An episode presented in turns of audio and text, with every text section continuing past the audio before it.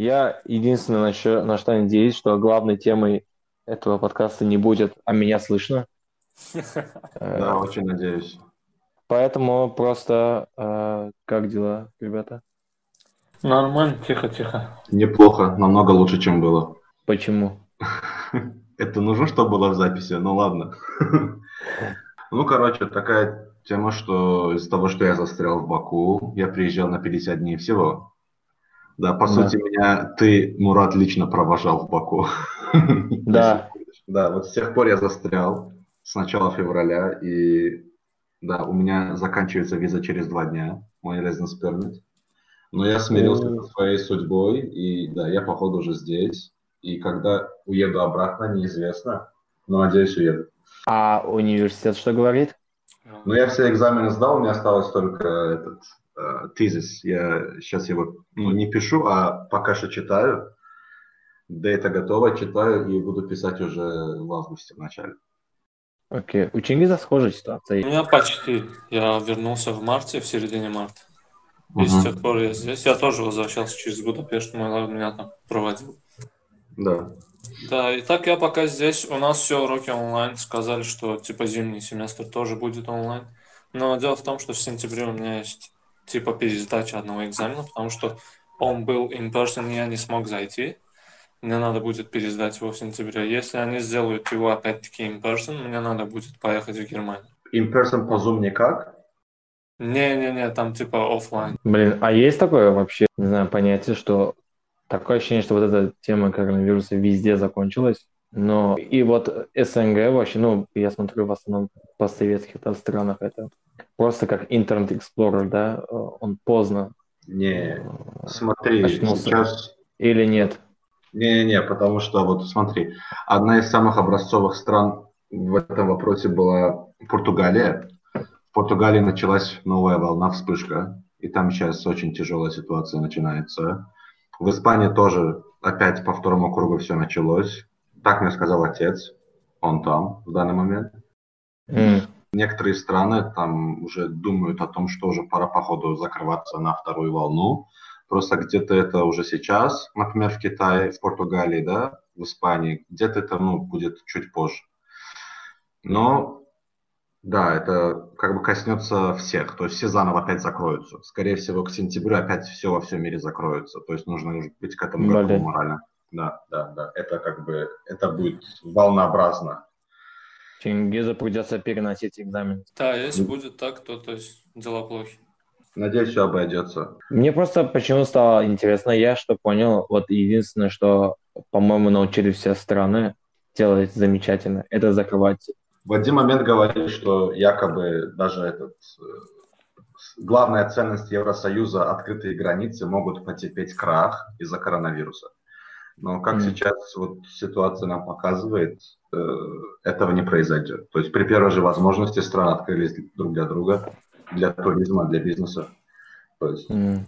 Вот, хорошая тему затронул, сказал про туризм и бизнесы. Я почему, в принципе, э, сейчас любой диалог начинается более-менее с коронавируса. Я более-менее к этому подводил. Что я заметил вообще в эту, э, в принципе, в целом в эпоху любого кризиса, и в данном случае коронавирус тоже, да, как бы одно из тех, что у нас прям вот так только-только случилось и продолжает. Если затрагивать финансово, то компании, ну, бизнесы в целом, да, начинают урезать э, расходы, то есть урезать свой кост. Да, я заметил да. первое, на чем, ну, обычно говорят, допустим, сфера дизайна, например, сфера красоты, она первая уходит. Просто, знаешь, как первые спокойно ее урезают, потому что покушать хлеб намного ценнее и важнее, чем, допустим, как ты будешь выглядеть, да, грубо говоря. И вот все вот эти э, спонсоршипы, типа всяким неправительственным организациям, там, активистам разным, и прочее. Все это просто да, в миг ушло. Ну, знаешь, как приостановили. А, что бы я добавил к этому? Есть такой момент, на самом деле, что расходы урезаются, пытаются зажать пояса, экономить как можно сильнее, а, потому что, да, есть определенные сферы, э, которые существуют потому, что есть личное взаимодействие между людьми. И как бы если этого взаимодействия нет, вот вроде тех времен, как сейчас, да, мы переживаем, из-за того, что нет личного взаимодействия, из-за того, что приходится все переносить на дистанцию, поэтому такие сферы больше всего и страдают. В том числе, кстати, ко всему этому добавилось, я добавил бы туризм, конечно же. Люди просто физически находятся там, куда они едут. И если это не получается, то понятное дело, что эта сфера полностью, целиком и полностью страдает. Вот буквально до коронавируса, не знаю, может быть, в моем медиа как бы была тема, вот, допустим, пластик, да, не использовать лучше это, био, вот, ну, вся вот эта, да, заваруха. И вот с коронавирусом такое ощущение, что ну просто вот, типа, забыли. Ну, вот, э, маски, там, не знаю, все вот эти аппараты и прочее. То есть это не стало важным. Там есть такой момент, что типа, после того, как коронавирус, так скажем, появился, другая сторона вот от этих всех разговоров, типа использования нефти и так далее, э, эти разговоры начались вести то же самое было, типа цены на нефть упали, там э, в США начали нефть продавать бесплатно из-за того, что у них не было мест, куда, то есть где хранить mm. нефть. Например, как только экономика Китая просто разъебалась, так скажем, а, они да. перестали покупать нефть у Азербайджана, например. А пластик и вот все эти маски и вот все эти дела, это просто на данный момент ситуация такая, что это просто важно. Это vital для того, чтобы сохранять здоровье людей, из-за этого никто про это не говорит. Проблема с пластиком самая большая, то, что это загрязнение, то, что у него там период полураспада где-то, по-моему, тысячи лет или сколько-то. То есть он собирается, и, и от него как-то надо избавляться. Из-за этого люди просто говорят, что типа не используйте пластик, или же просто ресайкл делайте его. И много стран так делают. У нас просто в Баку в маркетах просто так даются пластиковые пакеты а в некоторых странах, в Европе они продаются, в Индии да. они вообще запрещены. Э, кстати, есть такая страна Руанда э, в Африке, да. которая буквально 10, то ли 15 лет назад э, была в условиях гражданской войны и геноцида да, одного да. народа против другого, да. И эта страна совсем недавно, вот лет пять, как она взяла курс на такое, да, инклюзивное развитие, на развитие бизнеса и всего, и туризма и так далее. Да? То есть страна как-то взяла вектор на развитие. Даже правительство Руанды, кажется, в прошлом году было признано самым эффективным правительством на данный момент из всех существующих. Руанда э, запрещает э, прилетать в их страну с пластиковыми пакетами. То есть, э, okay. если ты летишь в Руанду, то ты должен уже все свои пластиковые пакеты оставить в аэропорту той страны, откуда ты вылетаешь. Когда ты прилетаешь в Руанду, пластиковые пакеты э, у тебя или изымаются, или если ты их пронес как-то в страну через аэропорт, ты за это штрафуешься. То есть э, вот э, есть такие вот меры в некоторых странах, которые предпринимаются, потому что ведется усиленная борьба с этим. А одной из главных статей доходов э, бюджета Руанды является экологический туризм.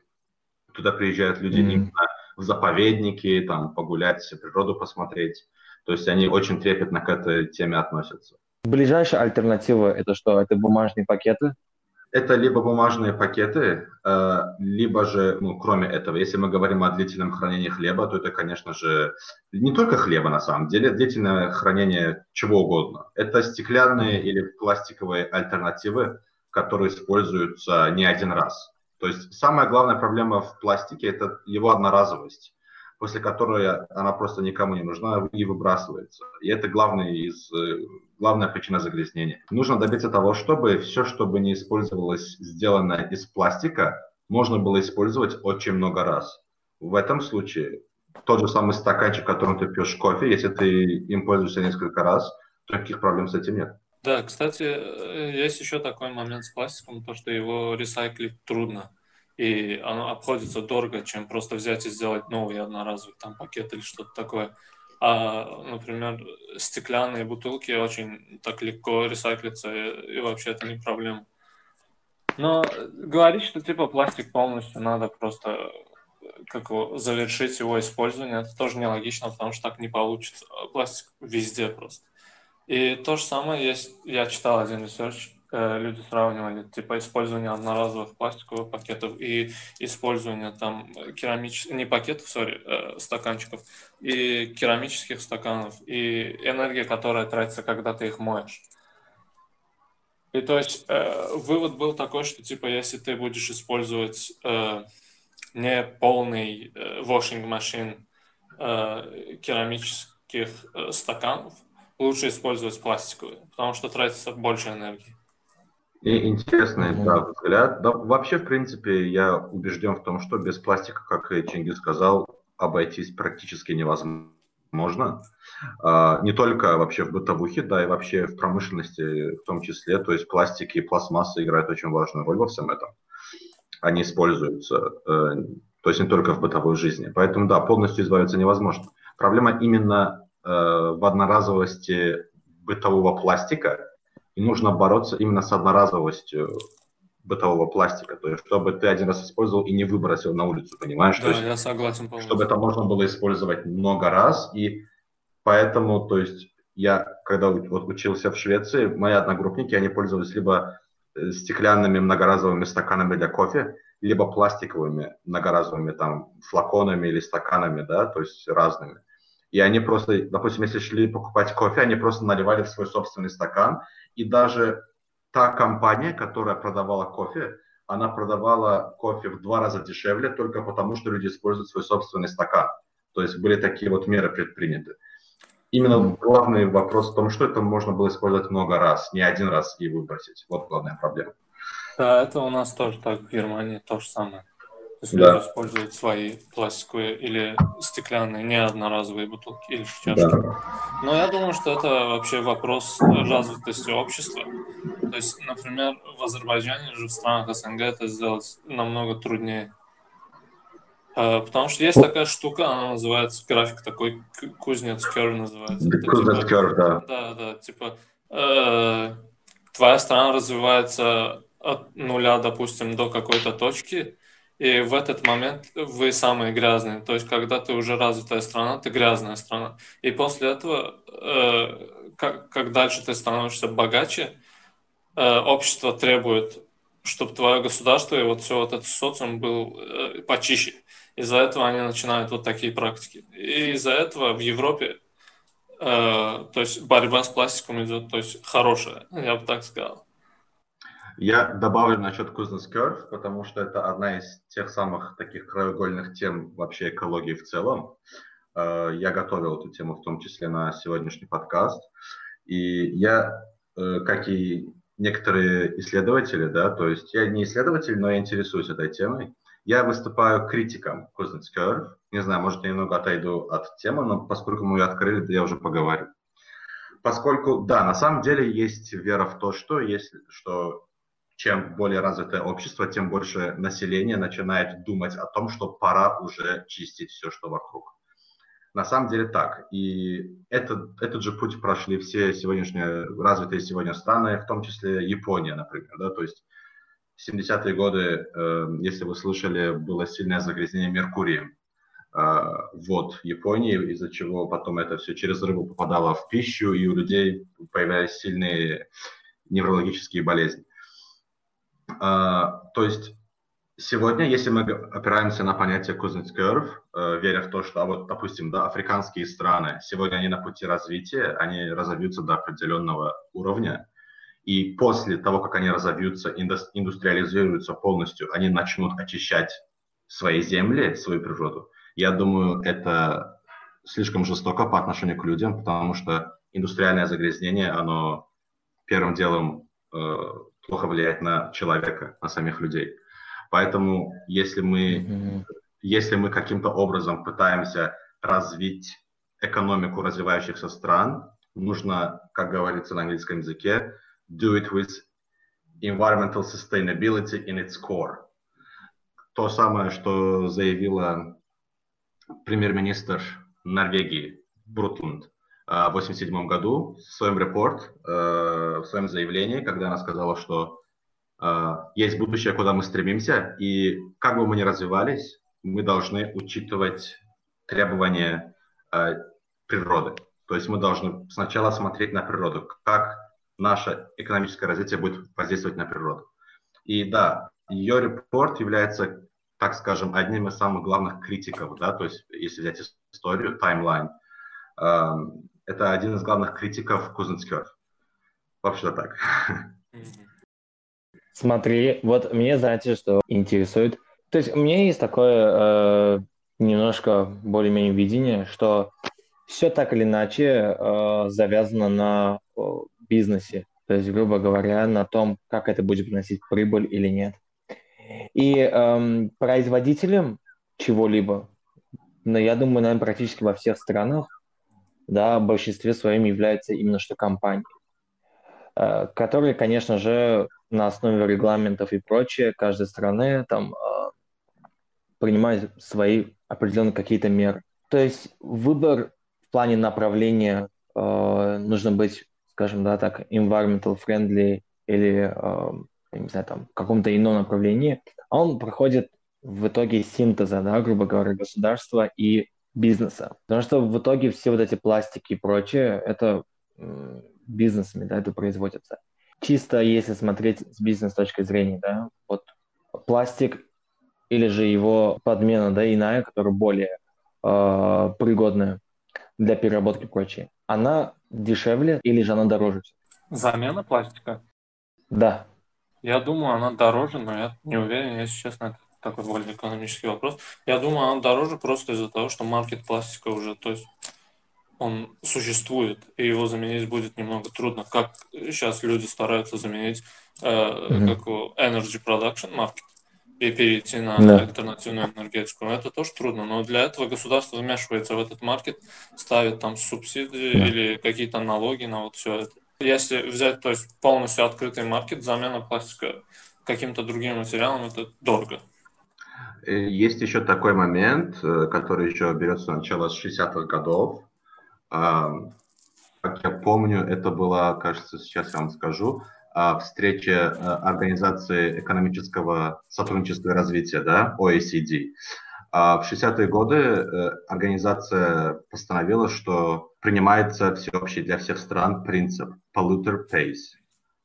То есть страна или человек, или компания, или там домохозяйство какое-то, если оно загрязняет, если оно загрязняет чем бы то ни было, то за загрязнение нужно платить.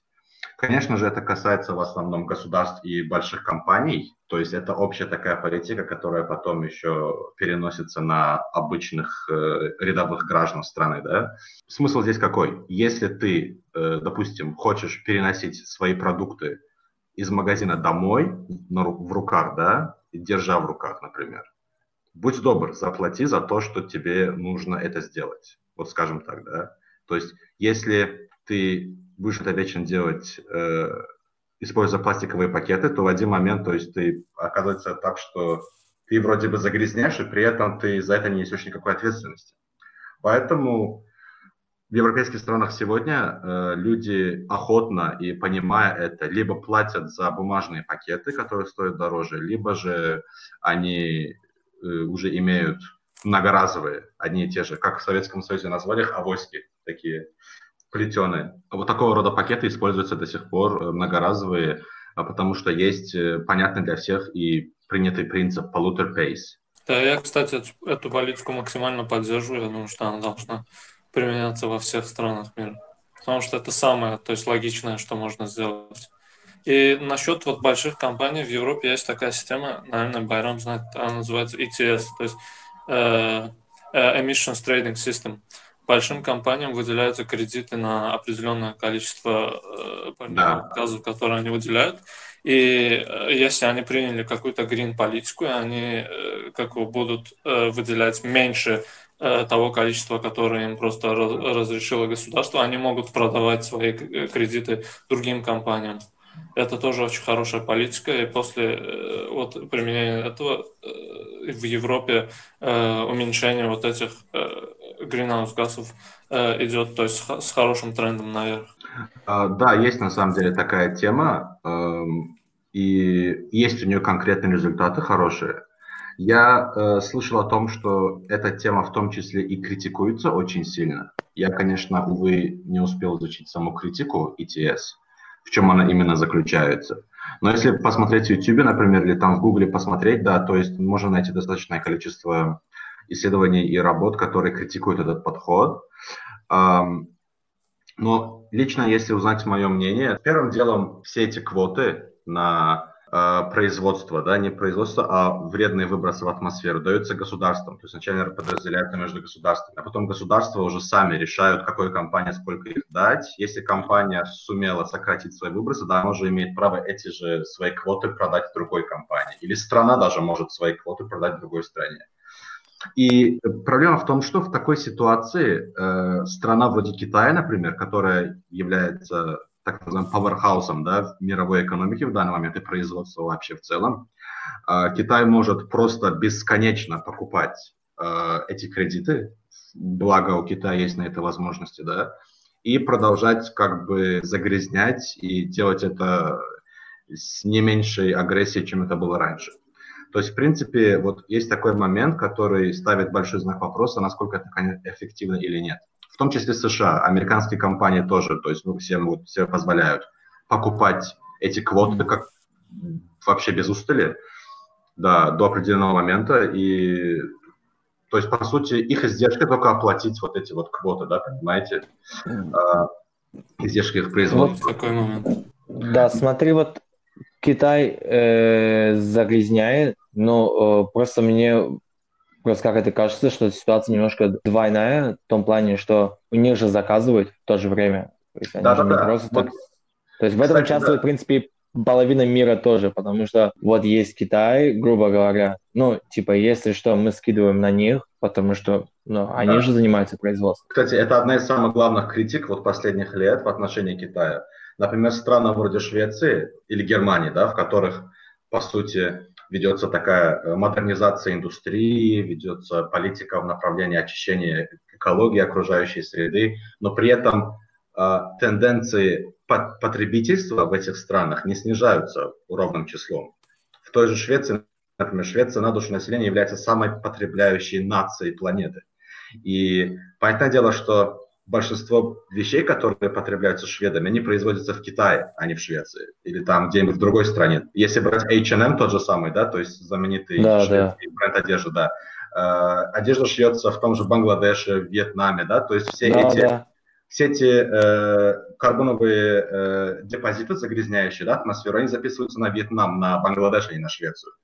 То есть есть вот такого рода вещи, которые э, сейчас обсуждаются и пытаются найти какую-то вот модель, которая бы смогла регулировать, да, вот именно потребление, чтобы страны, которые производят э, в других, других странах, да, третьего, второго мира, и при этом кайфуют у себя, они тоже несли какую-то ответственность. Я тоже никогда не понимал, почему вот в последнее время Китай просто э, главная суперзлодейская сила просто mm. вот в, в этих разговорах насчет climate change и global warming. Да, они на данный момент высокими цифрами на вот этот э, greenhouse gas emissions, но надо учитывать то, что там просто проживает огромное количество людей. Если мы возьмем все еще вот э, не будем учитывать вот эти потребительские э, свойства там Европы и других стран, развитых стран, Э, на душу населения Китай, то есть не занимает первое место, они где-то входят где-то в топ-десятку. И это очень хорошо для такой страны и для такой индустриальной страны. Еще я думаю, что будущая политика энергии Китая очень даже sustainable и green, то есть они на данный момент очень э, сильно бустят просто э, э, возобновляемую энергетику. И просто типа сваливать все на Китай это нелогично. Да, я видел тоже эту статистику самых таких загрязняющих стран мира, а, если брать, то есть такой-то global footprint, да, общий. Mm-hmm. На первом месте вы удивитесь, какая страна находится по загрязнению. US. Э, не US, если я имею в виду на душу населения. А, на душу Кувейт, Кувейт, на душу населения там, или Бахрейн, или Кувейт. Я видел, что это Канада на первом месте. Самая Канада? потребляющая. Канада? Да, да, Канада самая потребляющая и загрязняющая страна если брать именно такой да, общий footprint э, а, потребления, да, то на первом месте находится именно Канада по такому общему загрязнению. При mm-hmm. этом на территории Канады большинство из того, что Канада потребляет, не производится. Поэтому как бы на их счет это не записывается. Хотя, если взять именно потребление, включая их же производство в других странах, вот если все это соединить, то Канада выходит на первое место как самая загрязняющая страна мира. Мне вот кажется насчет злодейства Китая, ну то, что типа вот Китай все портит, да, грубо говоря. Э, началось, если не ошибаюсь, то ли в этом, то ли в прошлом году. Э, короче, есть же типа чистый мусор и грязный мусор, ну в том плане, допустим, я спускаюсь вниз, там есть разные контейнеры, бумага, пластик, и я выкидываю э, пластиковую бутылку пепси в общий пластик, но там, допустим, капли вот этих пепси остались. Ну, сладкое. То есть это, э, если не ошибаюсь, считается как ну, грязный пластик, э, который нужно будет еще дальше очищать и прочее. есть, грубо говоря, когда выбрасываешь пластик, ты должен его промыть. Ну, то же да. самое, как если не знаю, банку или пластик, допустим, с кетчупом, ты не можешь, да, там остался в остатке, нужно его почистить, и потом ты выкидываешь. И да. эм, страны в основном, те, которые переработкой занимаются, предпочитают чистый пластик брать. Ну, это прям вот самая топка, да, чистый мусор. А Китай очень долгое время, так как он уже везде, все эти корабли там, ну, доставкой занимается, и у них была проблема в том, что пустыми возвращаются корабли, и они вот таким образом мусор собирали. И говорили, что, ну, типа, любой мусор.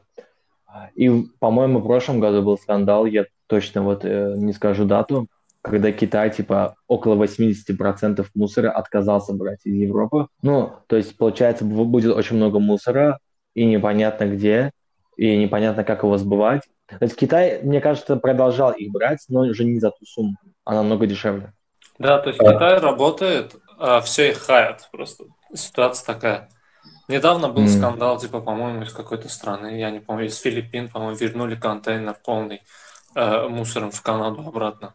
Uh, это сейчас, на самом деле, э, да, такая волна сейчас против э, обычно э, электрического мусора, так называемого, да. Э, есть такой момент, что сам Китай, как бы он не принимал э, когда-либо или сейчас, если даже до сих пор это делает, Китай, принимая э, в свою страну этот мусор, потом отвозит этот же мусор в Африку. Да, то есть есть страны, э, в том числе Нигерия и Гана, да, то есть прибрежные страны Западной э, Африки, э, в которых есть большие порты, способные принять этот электрический мусор. Это могут быть старые компьютеры, телевизоры, бытовая техника, да, любого рода. Угу. Вся, все это складируется в Гане, в Нигерии, да, то есть на огромных да, площадках, обычно которые прямо на берегу моря находятся. И представьте себе, что делается. Местные жители могут просто брать весь этот пластик без разбора, собирать его, сжигать дотла, да, включая весь этот пластик, он там весь варится и горит. Для чего, угадайте? Для того, чтобы найти драгоценные металлы, которые находятся в системе бытовой техники, да, и э, в проводах. Есть такой район э, в, э, в Акра, в столице Ганы. Э, есть район, э, квартал называется Акбокблоши. Вот Акбокблоши извест, э, известно как место планеты с самой низкой э, продолжительностью жизни. 25 лет средняя продолжительность жизни людей в этом квартале. Все Ничего себе. Все умирают от рака, да большинство из этого мусора приезжает именно из Китая в Гану, и да, местные жители, там молодые ребята на самом деле, там с 10-12 лет, они, да, вынуждены плавить этот мусор, доставать оттуда пласт, э, драгоценные металлы и потом сдавать их и получать деньги. То есть есть такие черные стороны тоже. Это печальная картина. То есть так получается, что очень большой uncertainty. Тем, что мы перейдем вот на это, это не one-time solution, да, то есть это отдельная ветвь, отдельное направление, которое нужно э, мало того, что инвестировать, причем время, финансы, прям все, и еще это регулировать и время от времени adjusted, ну, потому что это так или иначе это сильно связано, да, зависит от технологии. То есть а, сегодня можно так кстати, переработать, завтра сяк. Кстати, э, кое-что скажу. Вы знаете, в рамках какой программы завозится электрический мусор из э, других стран в Гану? Нет, э, я точно не знаю. Первый раз слышу вообще про это. Э, да, государственная программа по повышению цифровой грамотности населения. Представьте себе. А, окей.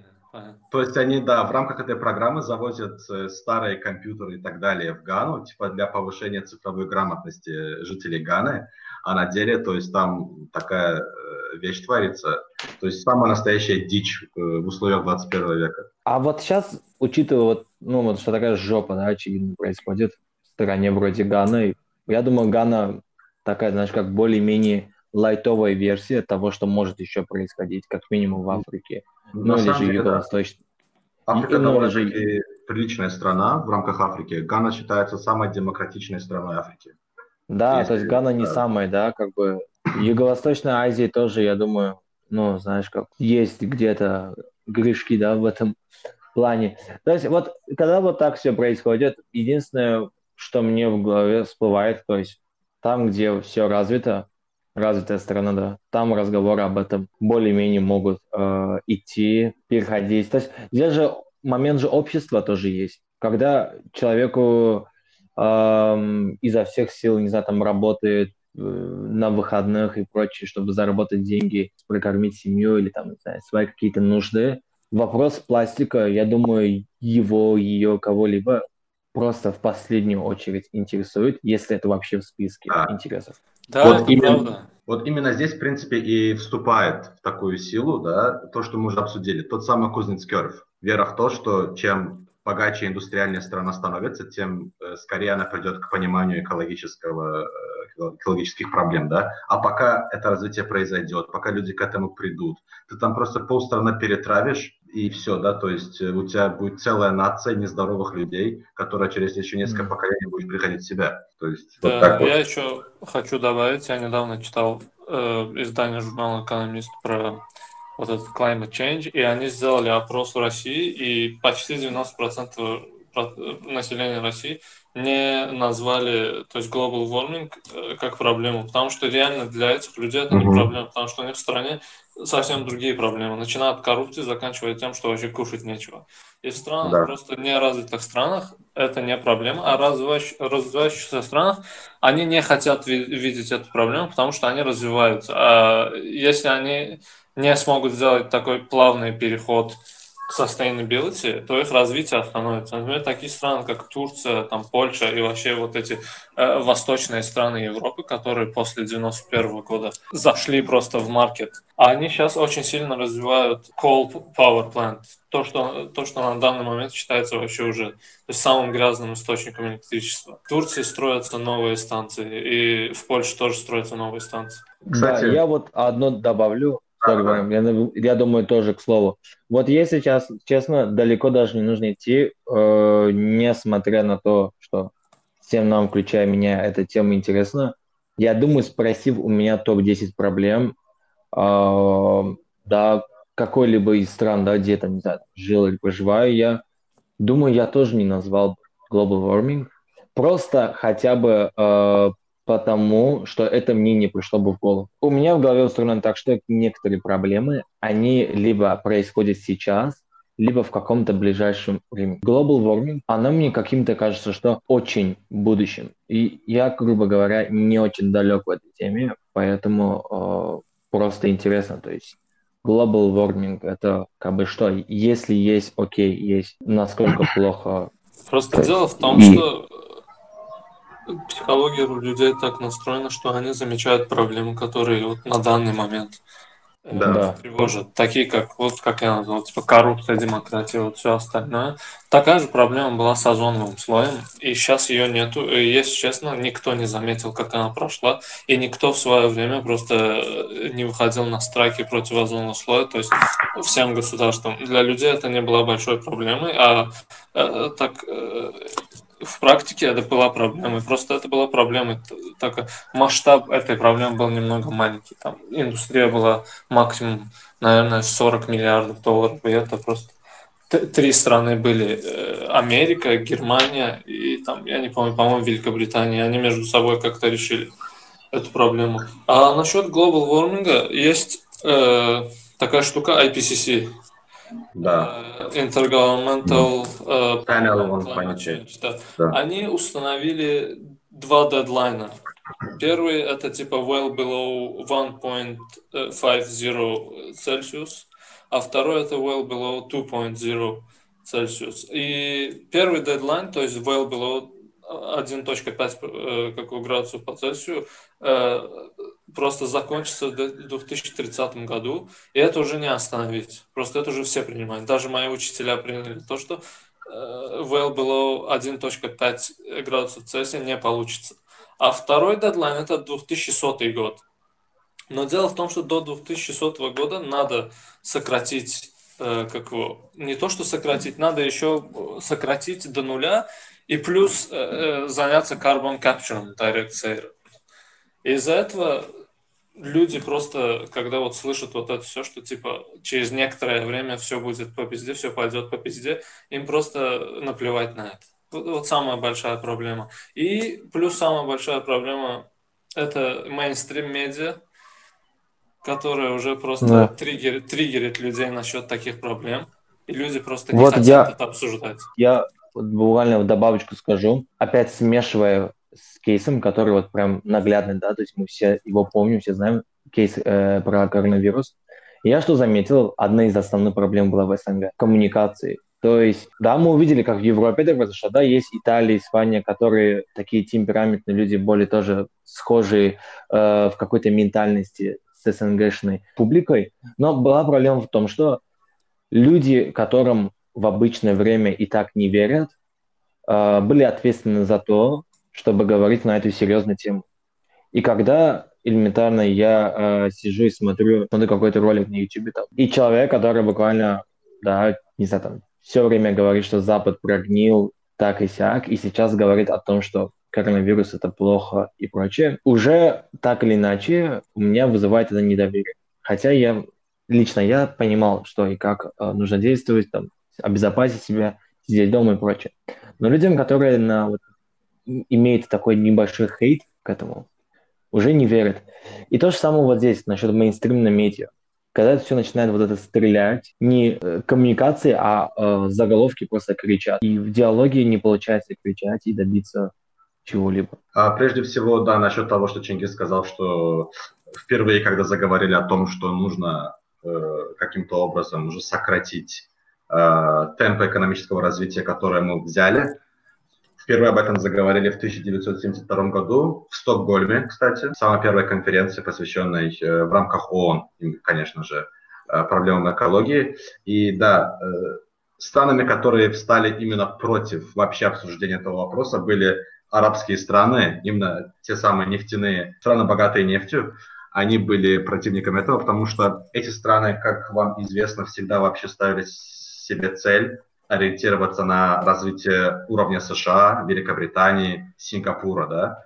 Если посмотреть на столицу э, Объединенных Арабских Эмиратов, на Дубай, можно увидеть, что модель это именно Нью-Йорк, модель развития, и они э, всегда опираются на то, что они хотят достичь того уровня развития, которого добился западный мир. Ясное дело, что они видят это развитие только через индустриализацию. И в этом вопросе показательно именно, вот, э, как я уже упомянул, речь э, Брутланд, бывшего министра, премьер-министра Норвегии, да, э, она сказала, что если мы думаем об экономическом развитии каком-либо, да, мы должны э, думать прежде всего об экологической проблеме. И это именно природа должна стоять именно вот быть ядром этого развития, да, то есть мы должны смотреть на весь мир на все наше будущее экономическое развитие с призмы экологии. Именно если смотреть на ситуацию с этой точки зрения, экономическое развитие последующее, а, оно будет эм, не таким опасающим, да, э, не, таким разруш... не таким разрушающим природу и вообще будущие перспективы человечества на этой планете. Кстати, это та самая позиция, против которой выступают такие экоактивисты, как Грета Тунберг. Да, э, чуть, не, чуть больше Швеции. Я знаю, насколько это болезненная тема для большинства людей. Э, Грета Тунберг, да, но... Я думал, он сейчас скажет для Мурада, я знаю, насколько это болезненная тема. Э, Мурада, да, и абсолютного большинства вообще людей, в том числе и, как Мурат, ты сказал, на территории стран бывшего СССР, на территории стран СНГ, потому что, увы, в наших странах социальная наука именно в советское время социальная наука, она больше была направлена на объяснение э, теорий э, и вытекающих из нее учений из ленинизма и марксизма. Объяснять э, все мировые тренды, которые уже возникли в мире, в том числе и борьбу с загрязнениями, да, например. В наших странах как-то к этому еще не пришли и как-то скептически очень относятся. Uh, да, она говорила, именно Грета Тунберг говорила, по, если помните, How Dare You, тот самый знаменитый этот, uh, ее речь, да. где она говорила, что вы сидите и говорите только о экономическом развитии, думаете о каких-то бизнес-договорах, э, направленных на развитие экономики в рамках, да, то есть понимание проблем природы.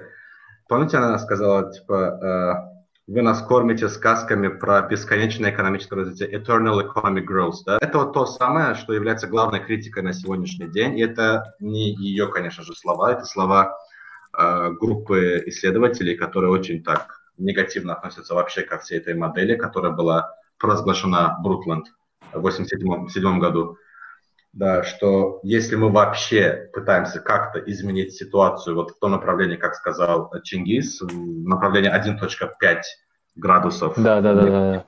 Да, то мы вообще должны полностью отказаться от всего того, что мы сегодня делаем. Кое-что хотел добавить, да, вот касательно э, того, что сказал Чингис, просто добавить тоже данные IPCC, межправительственной группы экспертов по изменению климата, да, Intergovernmental Panel on Climate Change. Да, они говорят, что вот рассчитали, что в данный момент emissions, которые производятся, равны 7 миллиардам тонн в год. А, оптимистичный сценарий к 2050 году – это максимальное повышение до 9 миллиардов тонн.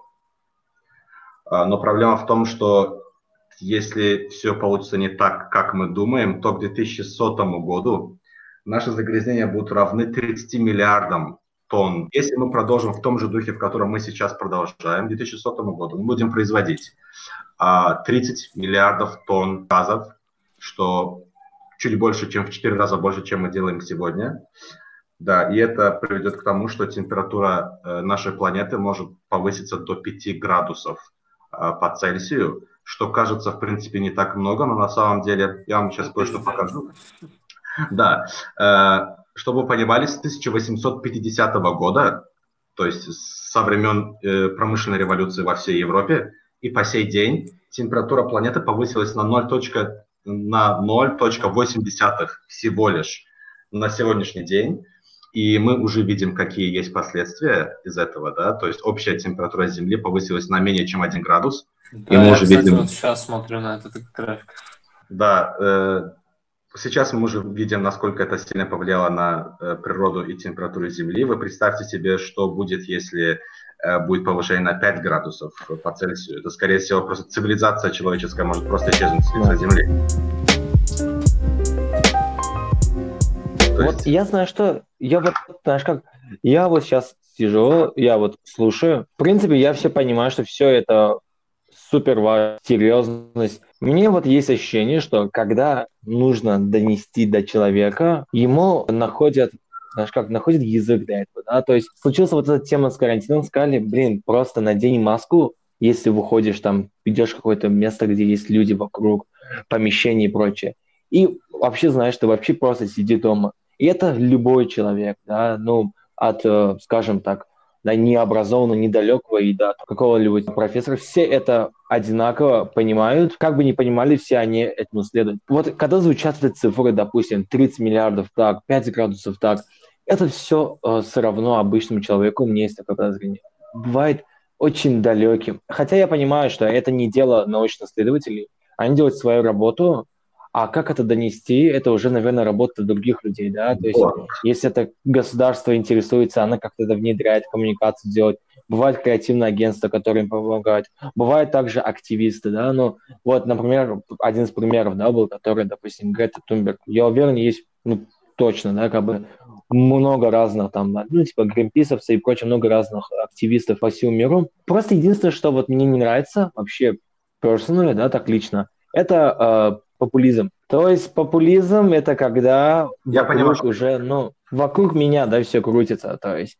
это то же самое, как наделить властью человека, и власть изощряет, да, то есть когда она бывает излишний и на долгое время. Мы знаем примеры, но сейчас не об этом. Но вот на меня он не очень э, доходит. Я думаю, это не лучший пример. Это начинает, знаешь, как делать? Раздражать немножко вот людей, особенно людей, которые не понимают, о чем, в чем дело.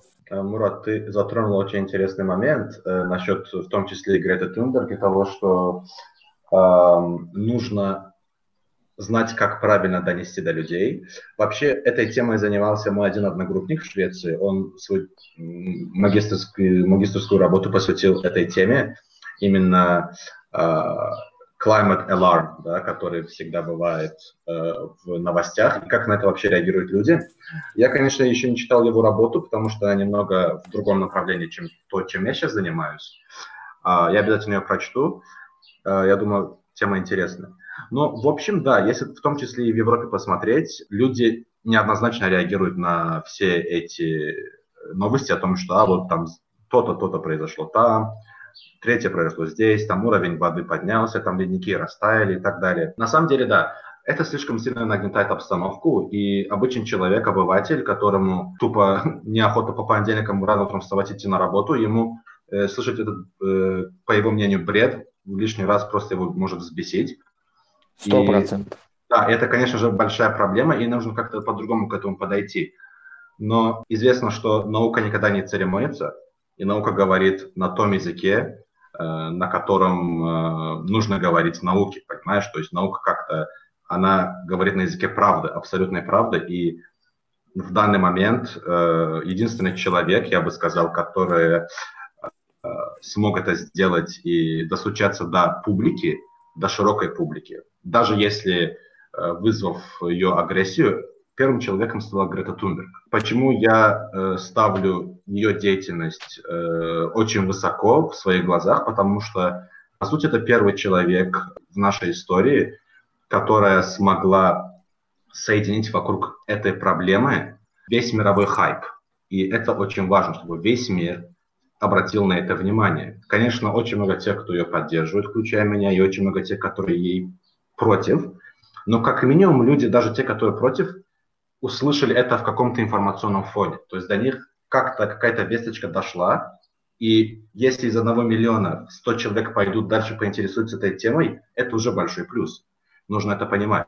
То есть я считаю, что несмотря на то, что новости могут надоедать или могут э, неправильно преподноситься нам, людям, да, и мировой публике, я считаю, что нужно больше это делать вообще в принципе. Потому что обычный человек не пойдет, не, не откроет научную литературу, чтобы почитать. А Грета Тунберг, если говорит о проблемах Земли, она говорит именно на языке науки, на языке первоисточников. И это очень важно. А мне вот что, как показалось, что здесь проблема идет, проблема медиа. В том, что медиа э, сейчас стала максимально прорекламированной. Опять объясню в каком смысле. Сейчас в интернете, ну, если мы говорим об интернет-медиа, есть любые сайты и прочее, чтобы не брали, есть три метода монетизации. Первое – это subscription, да, то есть ты платишь за сервис, который ты используешь. Он самый идеальный, на мою точку э, зрения, и, э, к сожалению, он не так популярно используется, если, допустим, речь идет о каких-то обычных сайтах, где ты читаешь новости и все такое. Второе – это реклама, то есть, да, ты зашел на сайт, и там сбоку везде эти баннеры и прочее. То есть, когда ты используешь AdBlock, какие-то сайты, они тебе говорят, что, ну, чувак, выключи AdBlock, потому что у нас есть реклама и прочее. А третий метод – дата. То есть твои личные данные. Ты логинишься через Google, через Facebook. Завтра, когда кто-то будет таргетированную рекламу делать, тебе это будет, ты поищешь один раз ковры, и тебе всю жизнь эти ковры будут выходить везде, да, в Инстаграме, в Ютубе и прочее. Заголовки пестрят, то есть каждая медиа борется за то, чтобы получить больше просмотров, потому что от этого зависит их площадки, которые они рекламируют, баннер. Грета Тунберг, она поговорила на языке медиа, то есть на языке кричащих заголовков, где неважно человеку зайти, прочитать, допустим, на медиум пост, да, потратить 3 минуты, прочитать 425 слов, а просто очень важно увидеть этот заголовок, который мы часто видим, да, вот эти фейковые заголовки. И fake news просто, ну, забрал все. Тут уже люди, которые, например, не нравятся fake news, которые не любят пестрящие заголовки, уже они тоже отталкиваются. Помимо тех, которые, может быть, заинтересовались бы, но вот Сори, да, чувак, ты кричишь. Не, ну смотри, да, то есть есть такой момент, что если а, она говорит, она говорит для небольшой публики людей, которые сидят перед ней, понимаешь? И кто это освещает, медиаресурсы, вот это уже их проблемы и их э, неправильная политика, что э, Грета Тунберг кажется каким-то рупором агр... не то что агрессии, а истерии. То есть ее рупором истерии сделали медиа в том числе, а не она сама себя да, сделала. точно, есть такой точно. момент, да. То есть, и есть еще такой момент. Э, Грету Тунберг не любят в основном те люди, которые имеют представление о природе, а вообще о том, что происходит на нашей планете, э, из источников э, допотопной давности, которым лет 20-30, понимаешь? То есть на сегодняшний день настолько ничтожно мало производится науки на русском языке, особенно о глобальном потеплении и климате, что люди, когда э, пытаются привести аргументы против того, что говорит Грета Тунберг обычно, они приносят э, аргументы из работ, которые просто устарели. Они банально mm. устарели. То есть западная наука, англоязычная наука э, в частности, да, она сегодня дошла до такого уровня развития, что буквально каждый день, чуть ли не каждый день, а, могут обновляться, э, может обновляться информация о том или ином. Сто процентов.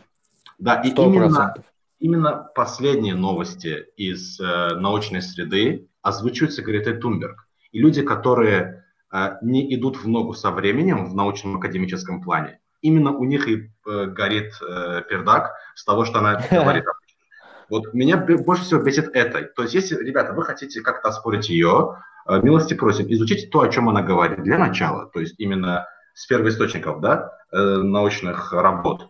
И после этого уже можете как-то ее критиковать и так далее. Или же вот это вот э, традиционная, старая, добрая, что она в школу не ходит? Если бы она ходила в школу, знала бы то-то, то-то, то-то. Ребята, когда да. она пойдет в школу, она живет в свободной стране э, и на свободном континенте, вроде Европы, она может в любой момент пойти в школу и так далее.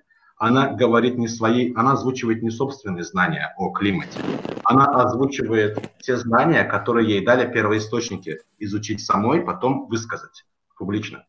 То есть она не свои доводы из головы высказывает, она изучает первоисточники. У нее дедушка, если вы в курсе, э, внучка, она внучка или правнучка э, да, шведского ученого э, Сванта Архениуса, который еще в конце 19 века был одним из первых исследователей, который рассчитал влияние атмосферных газов, климатических газов на температуру Земли. Mm. То есть это как бы вообще у нее и у ее семьи выход к первоисточникам, вот просто, знаешь, как раз-два плюнуть. Э, поэтому я считаю, что да, э, вероятно, ее слишком сильно и неправильно э, в истерической форме расхайповала, расхайповали медиа ресурсы, но а, ее именно ее слова слушать, я думаю, стоит. Кстати, я очень хотел бы, чтобы Чингиз высказался, потому что мы же говорим с тобой.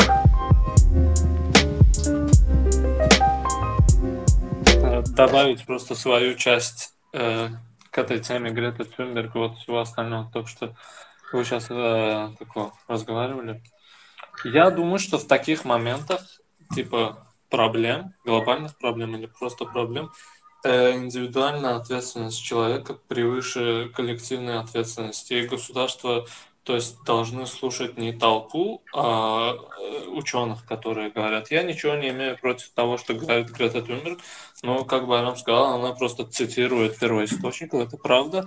Но подход к ситуации не ее, а просто к медиа, как они вот все это сделали. И еще я виню родителей Греты Тюнберг реально, потому что Э, они знали, как вот на данный момент работает мейнстрим медиа, и это просто то, что с ней творится на данный момент. Это самый просто простой для меня, в моем понимании, child abuse. Просто ее половина мира поддерживает, половина мира хает. Некоторые люди из нее сделали типа мессенджера какого-то, и она просто фигура идеальности насчет всего. И то есть ей там сколько, 15-16 ей там всего лишь 16 и завтра, то есть у нее не будет никакого шанса или что-то что сказать неправильно, или сделать какую-то ошибку, или в Стокгольме выйти из какого-то клуба бухой просто ее просто она просто станет объектом медиа.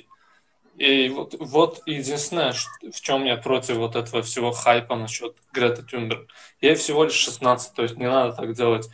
Надо слушать вот людей, надо читать первоисточники. А, я тут кое-что добавлю вот к тому, что Чингис сказал. В принципе, на самом деле я об этом вообще никогда не задумывался, что там есть такие моменты, которые могут а, влиять каким-то образом на нее в будущем, когда она станет уже взрослым человеком. Это, в принципе, интересный подход.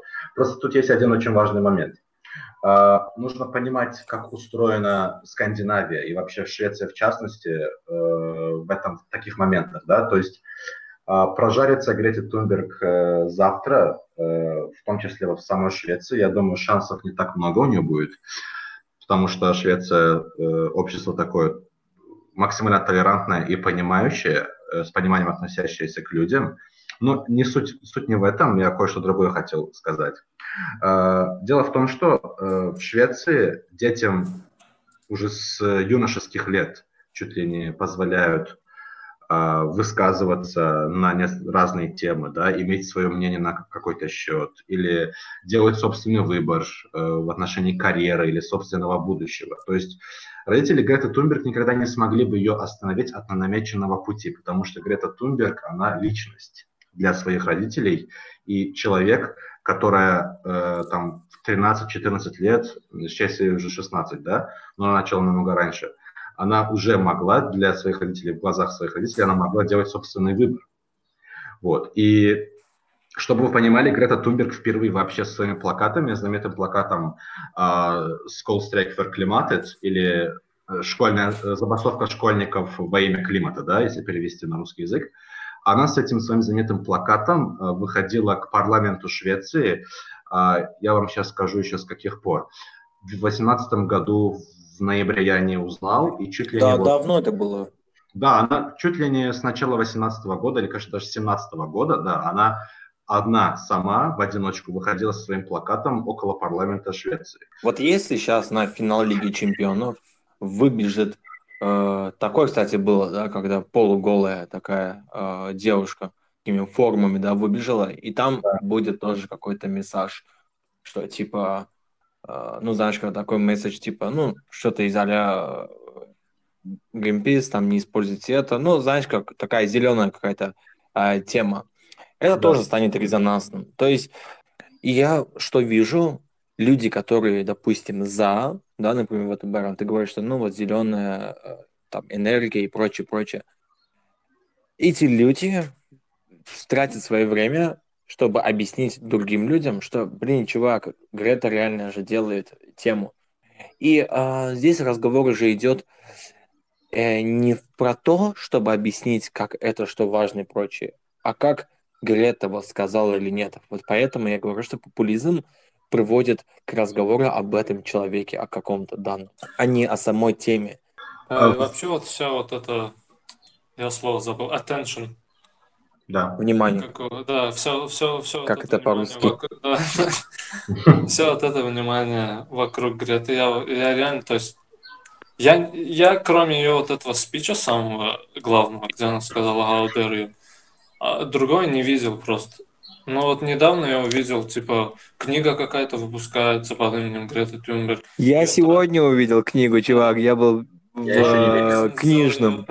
Я не понимаю, почему люди настолько вот оттачнуты к этой мейнстрим-медии. То есть Грета ну, это часть этого, то есть это не, не Да. Я знаю еще одну новость, кстати, про да, Грету. Просто вот так, э, как его, сосредоточены на этом, и они просто слу- просто услышав что-то, просто реально дают такую реакцию, как будто, я не знаю, что-то произошло.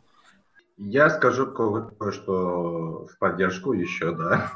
Эм, есть такое понимание, да, э, есть группа вообще такая, Social Green, это такая целая школа, да, то есть они настоящие такие ребелы, да, то есть они повстанцы вообще против эм, всего капиталистического, и они защитники всего зеленого, и вообще они идут очень далеко в своих э, взглядах, они вообще против городов, они предлагают всем поселиться в деревнях, что я не поддерживаю. Но нужно понимать именно контекст Греты Тунберг вот э, еще в этом аспекте, что она э, является последователем именно подобной школы. И почему ее выступления, они пропитаны какой-то такой э, агрессией или истерикой, э, потому что она хочет, чтобы государство на институциональном уровне вели правильную работу, да, то есть э, по решению проблемы. В то время как э, они не, не делают достаточно много, чтобы температура Земли поднялась на не более чем 1.5 градусов, да, что мы уже обсудили. Именно э, то, что она не верит государствам, не верит политике, не верит бизнесам на сегодняшний день, э, она говорит именно в таком еще истеричном тоне, чтобы каким-то образом достучаться, наверное. Такой вопрос. После всего этого, э, всей этой темы с Гретой Тюнбергом, там, Greenpeace и все так далее, что-то изменилось в политике государств? Я на самом и деле... Вот она, она же, по-моему, создала вот эти вещи, типа Fridays for Future, э, страйки эти все green активистов. Что-то, то есть, кто-то что-то сделал, мне просто интересно. Я... Э, я так сильно не исследовал эту тему, то есть я вообще ничего об этом сейчас сказать не смогу. Я думаю, явно можно найти, да, там какие-то пейпер об этом через полгода-год, не сейчас. Сейчас будет слишком рано, да, потому что результаты сейчас э, слишком рано изучать. Но как минимум она смогла поднять на ноги всех своих сверстников во всем мире. Своих сверстников, людей, которые чуть старше ее, и даже те, которые чуть младше ее, понимаете? То есть она подняла целое поколение людей, то есть целое собственное поколение людей на борьбу и на то, чтобы э, то, что сегодня делается неверно, э, оспаривалось и выставлялось на не, вот, обсуждение. То есть для меня это как-то более-менее такая пустышка, то есть пустое место. Э, я не именно ее как личность имею в виду, а в целом вот все разговоры, вся медиа, все вокруг нее, это такой, знаешь, как black hole, да, то есть я этого не вижу. И, соответственно, трудно да, как бы хейтить, если уж э, нужно, да, то есть то, чего ты э, не видишь, э, не чувствуешь. И, конечно же, имею мнение, то есть я к этому максимально скептически отношусь и э, не поддерживаю тоже. Просто мне вот интересно, как раз добавку вот вопрос за то, что изменилось и прочее. Э, немножко добавив к этому вопросу, просто, опять же, не с целью переубедить, такой цели вообще нету. Э, те, Байрамыч, такой вопрос – вот как думаешь, что такое должно э, произойти или же не произойти, чтобы, допустим, у тебя, ну, как заметно, да, такой человек, который саппортит ее, э, были противоположные. То есть, а, знаешь, как... Я разочаровался, скажем так. Ну, так тоже можно сказать, да. Интересно. Вот вопрос. если страны, если страны, типа, ну, прошло два года, все забили на это болт, и вот как бы ничего не произошло, но есть просто перспективы, так же, как и в многих странах, перспективы, что все будет хорошо. Года. Я помню сравнительно недавний хайп вокруг Малала Юсафзаи, если помните, да, которая боролась за образования для девочек да, в Пакистане. Да. Ее сейчас как-то вообще не видно, не слышно практически, да. И я скажу так, я полностью разочаруюсь в Грете Тунберг, э, когда перестану ее слышать. Вот в этом же духе, если она будет говорить прям до последних дней своей жизни, ровно столько же, сколько она живет, я буду ее поддерживать. То есть вот okay. такая это неожиданный да. ответ. Например, она недавно говорила, что нужно всем переехать в деревню, выращивать собственную петрушку и жить там, короче, э, занимаясь хозяйством. Да. Ну, конечно, я с этим не согласен вообще и никогда не соглашусь. Да, но есть моменты, в которых я ее поддерживаю полностью, и я э, разочаруюсь в ней тогда, когда я перестану ее слышать. И, увы, кстати, в последнее время, если вы обратили внимание, э, коронавирус полностью забрал весь медийный хайп на себя. Да, да. Кстати, и давно Грета... ее не слышно, да. Да, и Грета Тунберг как-то вообще, она вот затерялась во всей этой истории. Вот, э, я не знаю, что еще сказать про Грету Тунберг. Я просто скажу, что типа вот общую ситуацию рассудим. У многих стран есть ну, цели до 2030 или 2035 года, я точно не помню. Они называются ENDC. Вот по тому соглашению в Париже, которое страны подписали в 2015 году, правда, после того, как Трамп стал президентом, он вышел из этого соглашения. И многие страны работают над всем этим. И если взять все вот эмиссии э, этих э, э, парниковых газов э, Китай, Европа плюс Соединенные Штаты Америки вместе взятые составляют больше 50% всех за год. Да. И, и если брать по секторам, самый такой важный сектор это energy сектор, то, что является типа electricity и heat production. Второй это транспорт, третий это типа индустрия, агрокультура и вот так далее. Если эти страны со временем, я верю в технологию, потому что технологии реально развиваются очень быстро. Со временем, э, как его, модернизируют грид, так называемый, сначала электрический, а потом э, энергетический в целом. После этого это, это переведут как-то на транспорт и зададут тренд для развивающихся стран и неразвитых стран для будущего их развития, то все будет хорошо. То есть у меня немного оптимистический настрой насчет вот этого global warming, потому что я думаю, что со временем все изменится, потому что все в руках вот этих развитых стран и новых технологий. И после того, как э, маркет изменится, то есть на данный момент, последние 2-3 года, солнечная энергия дешевле э, ядерной энергии. То есть развитие уже настолько хорошее. И когда развивающиеся страны и неразвитые страны будут бустить свою экономику, они будут использовать новые технологии, что более э, environmentally sustainable. И все будет окей. А вот насчет загрязнения пластиком и так далее, я думаю, что это более социальная ответственность. И нужны такие фигуры, как Грета Тунберг, но не такие э, мейнстримные. И для меня вот эта ситуация, это типа, вот когда Грета Тюнберг говорит про climate change, это то же самое, что Мадонна говорит про выборы президента. То есть люди ее слушают, но я не думаю, что это что-то очень меняет. Каждый сам должен просто сделать свой research, прочитать и увидеть, что происходит в мире. Э, я бы сказал, что э, почему я относительно не оптимистичен тоже, но относительно не оптимистичен то есть в сравнении с Чингизом, да, как минимум. А почему? Потому что есть самый такой главный вопрос да, сегодняшнего дня – who pays? То есть если э, мы проводим какие-то реформы, если мы развиваем развивающиеся страны сегодня э, по линейке sustainability, да, на рельсах sustainability, да, то кто за это будет платить? Это самый главный ключевой вопрос сегодняшнего дня, на который нет ответа толком, да, серьезного. И, по сути, это тот самый вопрос, который имеет очень важный смысл, э, потому что деньги, которые выделяются сегодня Международным банком развития и так далее, да, организациями, эти деньги выделяются развивающимся странам, в большинстве из которых сегодня сидят диктаторы и коррумпированные правители.